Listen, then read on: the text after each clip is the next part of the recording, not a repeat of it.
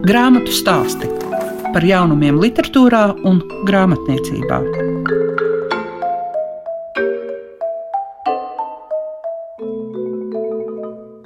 Klāt grāmatu stāstu laiks. Tā tad esat arī klasikas klausītājs, un kopā ar jums šodien, kā parasti, ir Liega Piešiņa. Un šīs dienas raidījumā jūs dzirdēsiet Gunti Tāleru, jo viņam ir ne tikai debijas romāns, detektīvu romāns pēdējais klients, bet arī uzreiz stāstu krājums ar nosaukumu Nemierīgās dvēseles, ko varam uzskatīt par veļu laika stāstiem. Tā domā pats autors. Un šeit, līdzās reālai pasaulē, ir arī pietiekami daudz mistiskā. Bet vispirms uzklausīsim Elīnu Bākuli Veiru. Pirms septiņiem gadiem mēs viņu iepazinām kā dzinieci, debitanti. Viņa saņēma arī Latvijas balvu, un tagad iznācis dzīvoļu krājums, tas otrs mani meklē kopš 1981. gada. Un mudinājums uzaicināt uz sarunu Elīnu bija arī tas, ka viņa saņēma dzīslu dienu laikā žurnāla domu zīme balvu. Klausieties sarunu ar Elīnu Bākuli. Veiru. Grāmatu stāsti tiem, kam grāmatu lasīšana ir vērtība. Vai tev pašai bija pārsteigums tas, ka tu saņēmi to domu zīmes balvu. Milzīgs pārsteigums. Ja es atceros nolasīt tos dzējolīšus un tā domāju, nu redz forši, es tagad varu sēdēt, klausīties, ko kolēģi lasa un, un miers. Un arī lasīt to apraksti kā par vinnētāju. Un es klausījos, domāju, nu tas taču par Artu Ostapu. Un, kad teica Elīna Pākola vēra, tad es, jā, es biju ļoti, ļoti pārsteigta. Kādas tev pašai ir attiecības ar domu zīmi? Kas ir tas, ko mums dod domu zīme? Nav tā, ka es tieku pie visiem domu zīmes izdevumiem, bet tas, ko es dabūju, es ļoti ar interesi izlasu. Sāku gan es vienmēr vienmēr ar dzēju, bet pēc tam knibina no visām pusēm. Varbūt ne no vāka līdz vākam tā, bet nu, beig, beigās es arī izlasu visu. Man šķiet ļoti forši, kā viņi to, to liek. Cik man ir pagadījies tikt pie tiem numuriņiem, man ļoti patīk. Mums taču vajadzētu vairāk tos žurnālus tādus, kas ir literārie, kas ir arī šāds ar pievienoto vērtību. Mēs tā paliktu bagātāki. Ne? Man jau ļoti patika, ka bija karoks un ka visi koncentrējās uz to vienu. Tad man šķiet, varēja. Nu, labi, es saprotu, ka jauniešiem vajag izākstīties un izrādīties, viņiem varbūt vajag kaut ko savu. Bet es esmu vairāk no tiem, kas uzskata, ka labāk ir viens liels nekā desmit maziņi. Bet doma zīme jau uz to tā kā iet. Nu, doma zīme tagad ir manā sturē gan arī kā karoks. Orbītā iznāca tavs dzējoļu krājums, kuram gana garš nosaukums. Tas otrs meklē mani kopš kopš 1981. gada. Jā, nu, nosaukumu mēs tur gudrojām dažni dažādi. Zēgners nepiekrita dažiem, un es esmu ļoti priecīgs, ka viņš nepiekrita dažiem. Un beigās, viņš, kad jau bija jādod grāmata drukāšanai, mēs šķiet tikai tajā brīdī viņš man pašai atnāca tā ļoti dabiski organiski, neko neštukojot. Tev debijas dzējoļu krājums iznāca pirms septiņiem gadiem. Kas tavuprāt, tavā dzējā tajā laikā ir mainījies? Tu esi palikusi asketiskāka. Stipri, jā. Iepriekš tajā zilānajā okeānā es gandrīz katru dienu maniakāli dzinos pakaļ dzējoļiem. Nu, tiešām, un ja es nevarēju vienu dienu vai divas dienas nekā nav, man likās, nu viss, man jāmirst nost. un tagad, kad es rakstīju šo grāmatiņu, pie manis dzīvoja vecā māte. Viņa gandrīz jau neredzēja, nedzirdēja, bet viņa ļoti skaisti lalināja un dziedāja pieciem, sešiem no rīta. Nu, jā, es biju visu laiku viņai blakus. Un, un tad tās dzējas laiks bija tad, kad viņa bija aizgājusi gulēt, un es aizgāju vienkārši uz balkoniņa un sēdēju. Un, ja ir, tad ir, ja nav, tad nav. Nu, es arī jūtu, ka es uz tādas ļoti kaut kādas robežas, kur jau ir stipra nedzēja, balansē visu laiku. Un arī, kad es viņu rakstīju, brīžiem bija tā, ka man šķita, nu, tam visam ir jāmet miers, tas vispār nekas nav. Tas bija laikam reizes divas vai trīs, un Zēgners teica, nē, redaktors Zēgners. Teica, nē, turpini. Un arī izdot es vairs negribēju. Viņš teica, nē, orbīta grib, dodam. Es teicu, nē, un pēc tam, nu labi.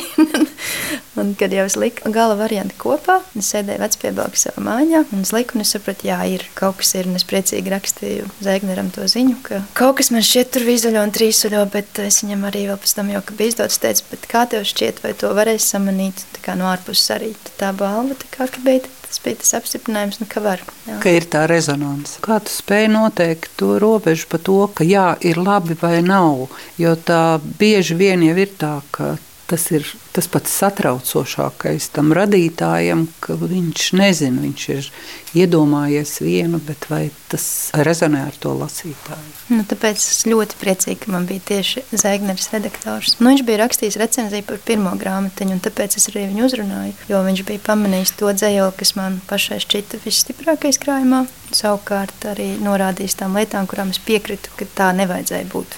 Es viņam principā 99% uzticējos. Tā bija lietas, kuras nepiekrita līdz galam, un arī pastāvēja savu, bet pārsvarā visam. Viņam ir uh, liels nopelns pie tā. Vai tad, kad pirms septiņiem gadiem iznāca tavs dzējoļu krājums un tas saņēma Laligabā debijas balvu, vai tas tev bija kāds tāds stimuls turpināt? Kā tev tas likās? Nu, es jau nerakstīju uzreiz pēc balvas saņemšanas. Pagāja kaut kāds laiks. Es zināju, ka nākamais krājums būs kaut kāds uz to pusi, bet nu, tieši precīzi jau nezināju, kā viņš būs lēnāks. Ne lēnāks, kā to varētu Nu, Rīmtāks arī labi skan. Bet tie arī ir vēl tie jokošanās, bet nu, savādāk. Nu, nē, nē, nē, es neesmu no tiem, kas baigi tagad, oh, man apbalvoja tā, tad viss ir baigi forši, un es tagad turpinu. Es atceros, ka šlāpenis tieši, ka man piešķīra to balvu, tu saproti, nu, tā ir tev tā kā uzticības zīme, tad mēs gribam no tevis dzirdēt kaut ko vēl. Tajā brīdī man vienīgā doma, ka es jau nezinu, vai es vispār kaut kad vēl kaut ko rakstīšu, tā, tā, un, un, un, un kā. Šajā gadījumā tā balva, jā, bija tā balansēšanas sajūta, šajā gadījumā viņa pat bija varbūt nozīmīgākajām. Tajā nē, es jau zināju. Nu, un arī, kad tur nāca ārā, tur nebija tā, ka bija ļoti labas recenzijas par pirmo grāmatu, un es viņas lasīju, bet es sapratu, nu, tā, tas nebija uztvēris. Tas autors, kas rakstīja to, viņš kaut ko varbūt nebija uztvēris. Bet bija diezgan pārliecināts par to, ko es beigās izvēlējos. To es citai grāmatai. Tā kā vairāk vai mazāk man bija droša sirds priekš sevis. Tas, ka var nepatikt, tas jau ir skaidrs. Vai nav tā, ka mēs tomēr esam pārāk maza tauta, kas runā vienā valodā. Mēs baidāmies kādreiz pateikt, ka nepatīk, ka mēs tikai pasakām, tad, ja tev patīk, un tas arī rada to sajūtu par to, ka tu nezini, vai tas dzīvoļu krājums vai tas dzīvolis tos konkrētos cilvēkus uzrunā. Nē, nu noteikti ir tā problemātika, ka pārsvarā recenzijas rakstie, kas pēc tam izdod.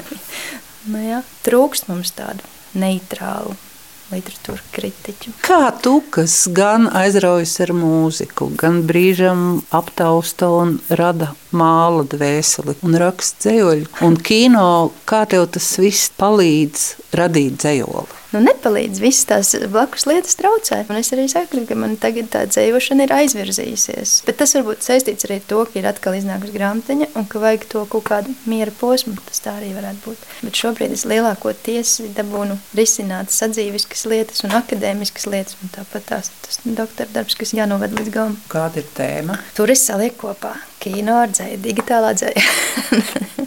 tieši to radīšanas procesu. Es runāju arī par uztveri. Teiksim, es tur taisu arī tādus tā praktiskos, dot lasīt tekstu, un tad kaut kādas tās savas interpretācijas, jau, kas ir audiovizuāls, kas jau ir ar mērķi veidotas, un tad salīdzinu to. Dažādas tās apakšnodaļas ir šai tēmai. Vai tu esi mēģinājis kādu arī no šī dzējoļa krājuma dzējoļiem šajā darbā? Man šķiet, ka jā, jā, jā ir. Ir gan Daugava, tas, kur ir tāds pļunkš, pļunkš, garš, garš dzējās uz divām lapām, kur tikai Daugavas skaņa, un vēl tas mūri mūrdzēja, līdz kur sauc kaķi. Tad novas. Nu, es varu vienīgi to mūri, jo to Daugau. Es varu tikai tā ilustratīvi, ja es sēdēju pie Daugaus, tātad 16. oktobrī 2019. gadā, gandrīz pirms trim gadiem, pulksten 16.58. Pļkšķ, p, p, p, buļpļ, šķšķ, šguļ, bļu, šl, pntik, pk, p, tļ, tiķi, šūkļu, bļu. Nu, jā. Tas vienkārši tā kā ieskicēt, kāds viņš iet uz divām lapām. Es neesmu pat trenējies tā īsti skaisti nolasīt. Nezinu, kāda var Daugavs estijās. nu, un tad tas otrs, ar ko es tur eksperimentēju, bija tas mūri, mūri, mūri, mūri. Mūri, mūri, mūri, mūri, mūri, mūri, mūri, mūri, mūri, mūri. Mūri, mūri, mūri, mūri, mūri, mūri. Rīžik, rīžik, rīžik.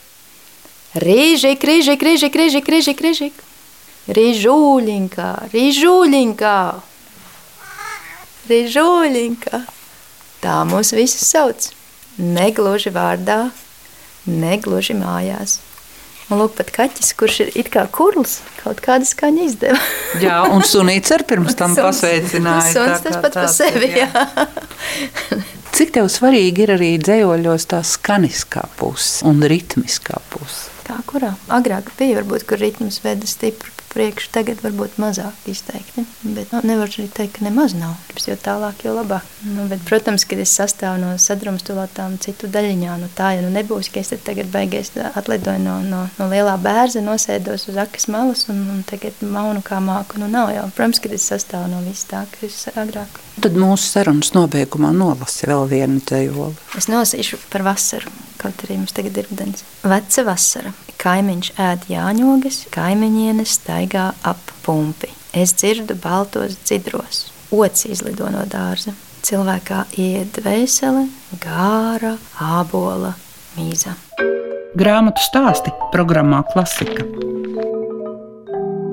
Guntis Tallers ir šīs dienas grāmatu stāstu ciemiņš. Ja es būtu viņu uzrunājis mazliet ātrāk, tad es runātu tikai par vienu grāmatu, par detektīvu pēdējais klients. Bet uh, tagad iespējas ir dubultojušās, jo ir veļu laika stāsti iznākuši nemierīgās dvēseles. Ir kopsaucēji arī šīm abām grāmatām, jo viena un tie paši varoņi drusku arī parādās. Gunti, kā sākāt rakstīt? Un, uh, ir tāda sajūta, ka jūs to esat darījis vienmēr mērā? Zināmā mērā, jā. Pirmā grāmatiņa, ko es izdevu pats sev un mammai, bija tad, kad man bija apmēram 6 gadi. Tās bija rūtiņa botnītes lapas, apzīmētas, aprakstītas. Šodien varētu saukt par komiksiem. Tad radošajā darbībā iestājās pārtraukums daudz gadu garumā. Līdz apmēram 30 gadu vecumā sāku strādāt vietējā reģionālajā tukuma laikrakstā kā korespondents. Un tad es sapratu, ka man tas patiešām padodas. Tad jau tā doma mazliet konkrētāka kļuva par to, ka es gribu rakstīt. Žurnālistika tādu iespēju nedēva, jo žurnālistika zināmā mērā nogalina radošo domu. Jo tu nedrīksti fantazēt, ir jāraksta tikai tas, ko tu redzi. Un tad pagāja vēl daudz gadi, un biju spiests pelnīt iztiku dažādos darbos Esmu ceļojis pa pasauli, izglītojies, pašizglītojies, strādājis gan kā grāmatvedis, gan kā konsultants, gan pat kā meža strādnieks. Un tad pienāca 2019. gads, un pilnīgi nejauši, nē, nejauši nekas nenotiek. Bet tā bija lēmts, kad es ieraudzīju paziņojumu Facebook vietnē. Literārā akadēmija aicina budžeta grupā iestāties cilvēkus. Tas man kaut kā uzrunāja. Laikam tas bija tas klikšķis, ka nu, tas brīdis ir pienācis, ka nu, līdz 50 gadiem jau ir laiks kaut ko beidzot darīt. Un es pieteicos, uzrakstīju stāstīnu, tas tika akceptēts. Man pieņēma budžeta grupā. Tā es nostājos uz tā rakstīšanas ceļa. Pirms tam neko. Tikai avīžu raksti, pat nekādi stāsti. Nu, ja neskaidrs, varbūt pāris esejas arī tajā pašā reģionālajā laikrakstā. Nē, tas bija pirmais nopietnais darbs. Pirms es pie viņa ķēros, es arī mācījos tajā brīdī Literārajā akadēmijā. Es tikko biju noklausījies Ronalda Brieža lekciju par detektīvu žanru. Sapratu, ka tas nav priekš manis ka šie žanra kanoni ir tik sarežģīti un tik grūti izpildāmi, ka pilnīgi noteikti es ar to nesākšu. Un vēl pēc mēneša es ieraudzīju zvaigznes ABC izsludināto konkursu. Tikpat nejauši pēdiņās, kā paziņojumi par Literāro akadēmiju.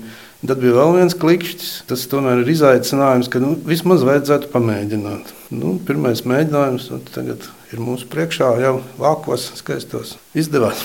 Jā, un uzrakstīts ir romānu konkursu uzvarētājs. Tas jums pašam bija pārsteigums? Jā, tie, kas bija lasījuši manuskriptu, teica, ka ir izredzes saņemt kādu godalgu, bet to, ka tas varētu būt pirmā vieta, es neticēju līdz pēdējiem brīdim. Vēl trīsreiz pārlasīju informāciju, ko atvēru internetā. Tiešām jā, ir. Lasot par šiem varoņiem, par šiem detektīviem, tad tāda sajūta, ka jūs jau tā kā viņus izdomājot un iedomājot, jau zinājāt, ka jums būs tā kā sērija. Nē? Man, piemēram, lasot, uzreiz likās, ka tas ir ar tālajošu mērķi. Man doma par to, ka tur varētu būt sērija radās drīzāk, kad es tojos finālam. Tāpēc antivaronis it kā gāja bojā, it kā nē, neviens viņu īsti neatrada un palika neskaidrs, kas tad nu būs. Tādu iespēju jā, es paredzēju, bet, kā es teicu, tuvu finālam. Jā, tad, kad es sāku rakstīt, man galvenais mērķis bija vispār pabeigt. Ja tas projekts priekš manis bija tik liels, neticami. Es pat neticēju, ka es viņu pabeigšu. Jā. Domāt par kaut kādu sēriju, tas būtu pārāk iedomīgi no manas puses tajā brīdī. Bet, jā, tad, kad es redzēju finišu, es sapratu, ka varētu būt turpinājums. Nu jā, Zintis un Marija arī ir pietiekami dažādi, pietiekami kolorīti. Tas, ko jūs esat gan pēdējais klients šajā detektīva romānā, gan arī šajos veļu laika stāstos, jums ir svarīga šī mistiskā pasaules puse, ne reālā. Tā jūs ir interesējusi vienmēr? Jā, jā, jā.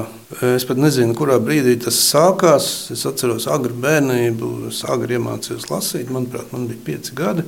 Un es iemācījos gan arī vienlaikus ar gotisko rakstību. 6, 7 gadu vecumā es jau šķirstīju mammas bībeli, un man tas kaut kā, nu, ja mēs ticam iepriekšējām dzīvēm, tad kaut kas tur ir bijis laikam.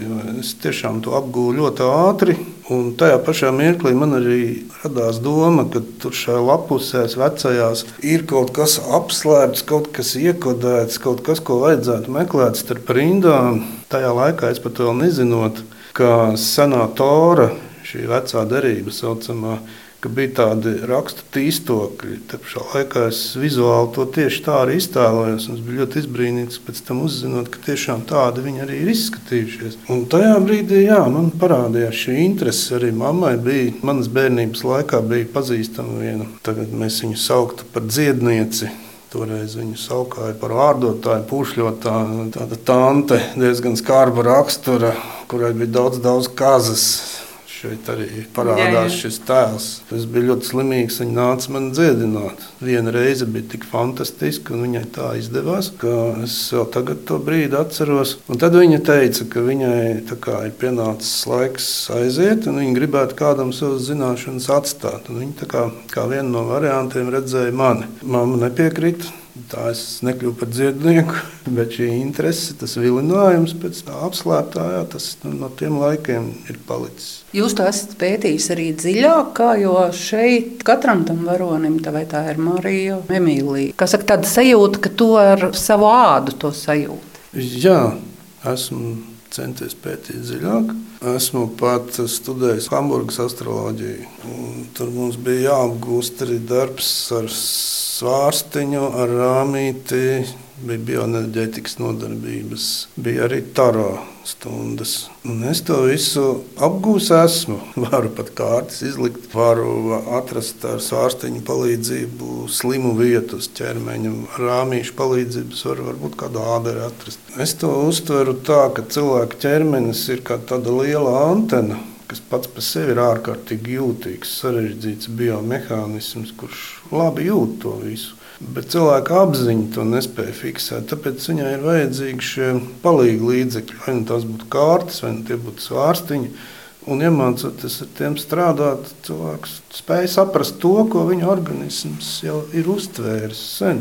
Bet, nu, dziļāk gan es to neesmu studējis, bet nu, vismaz tik daudz esmu sapratis, lai varētu iejusties Kaut vai šīs Marijas ādā, kad viņi veica savus eksperimentus. Kādas ir jūsu attiecības ar dabu? Jo šajās grāmatās tā ir uh, ļoti liela nozīme. Arī jau kopš bērnības vienmēr ir paticis atrasties mežā, pēc iespējas neskartākā vidē. Mežs, kalni, tās ir tās vietas, kuras ļoti mīlu atrasties arī tagad. Un iespējams, ka to Es esmu parādījis arī pat ne netīšām, tīri apzināti. Esmu šīs epizodes iekļāvis ar dabas aprakstiem, par ko man tur pāris detektīvu cienītāji tādi sausiņi ir nokritizējuši. Ka kāds tur sakars, dabas apraksti, kaut kādas iekšējās sajūtas, tas nedara priekš detektīvu. Bet, nu, Tāds, nu, tāds nu, ir un būs tāds viņš arī paliks.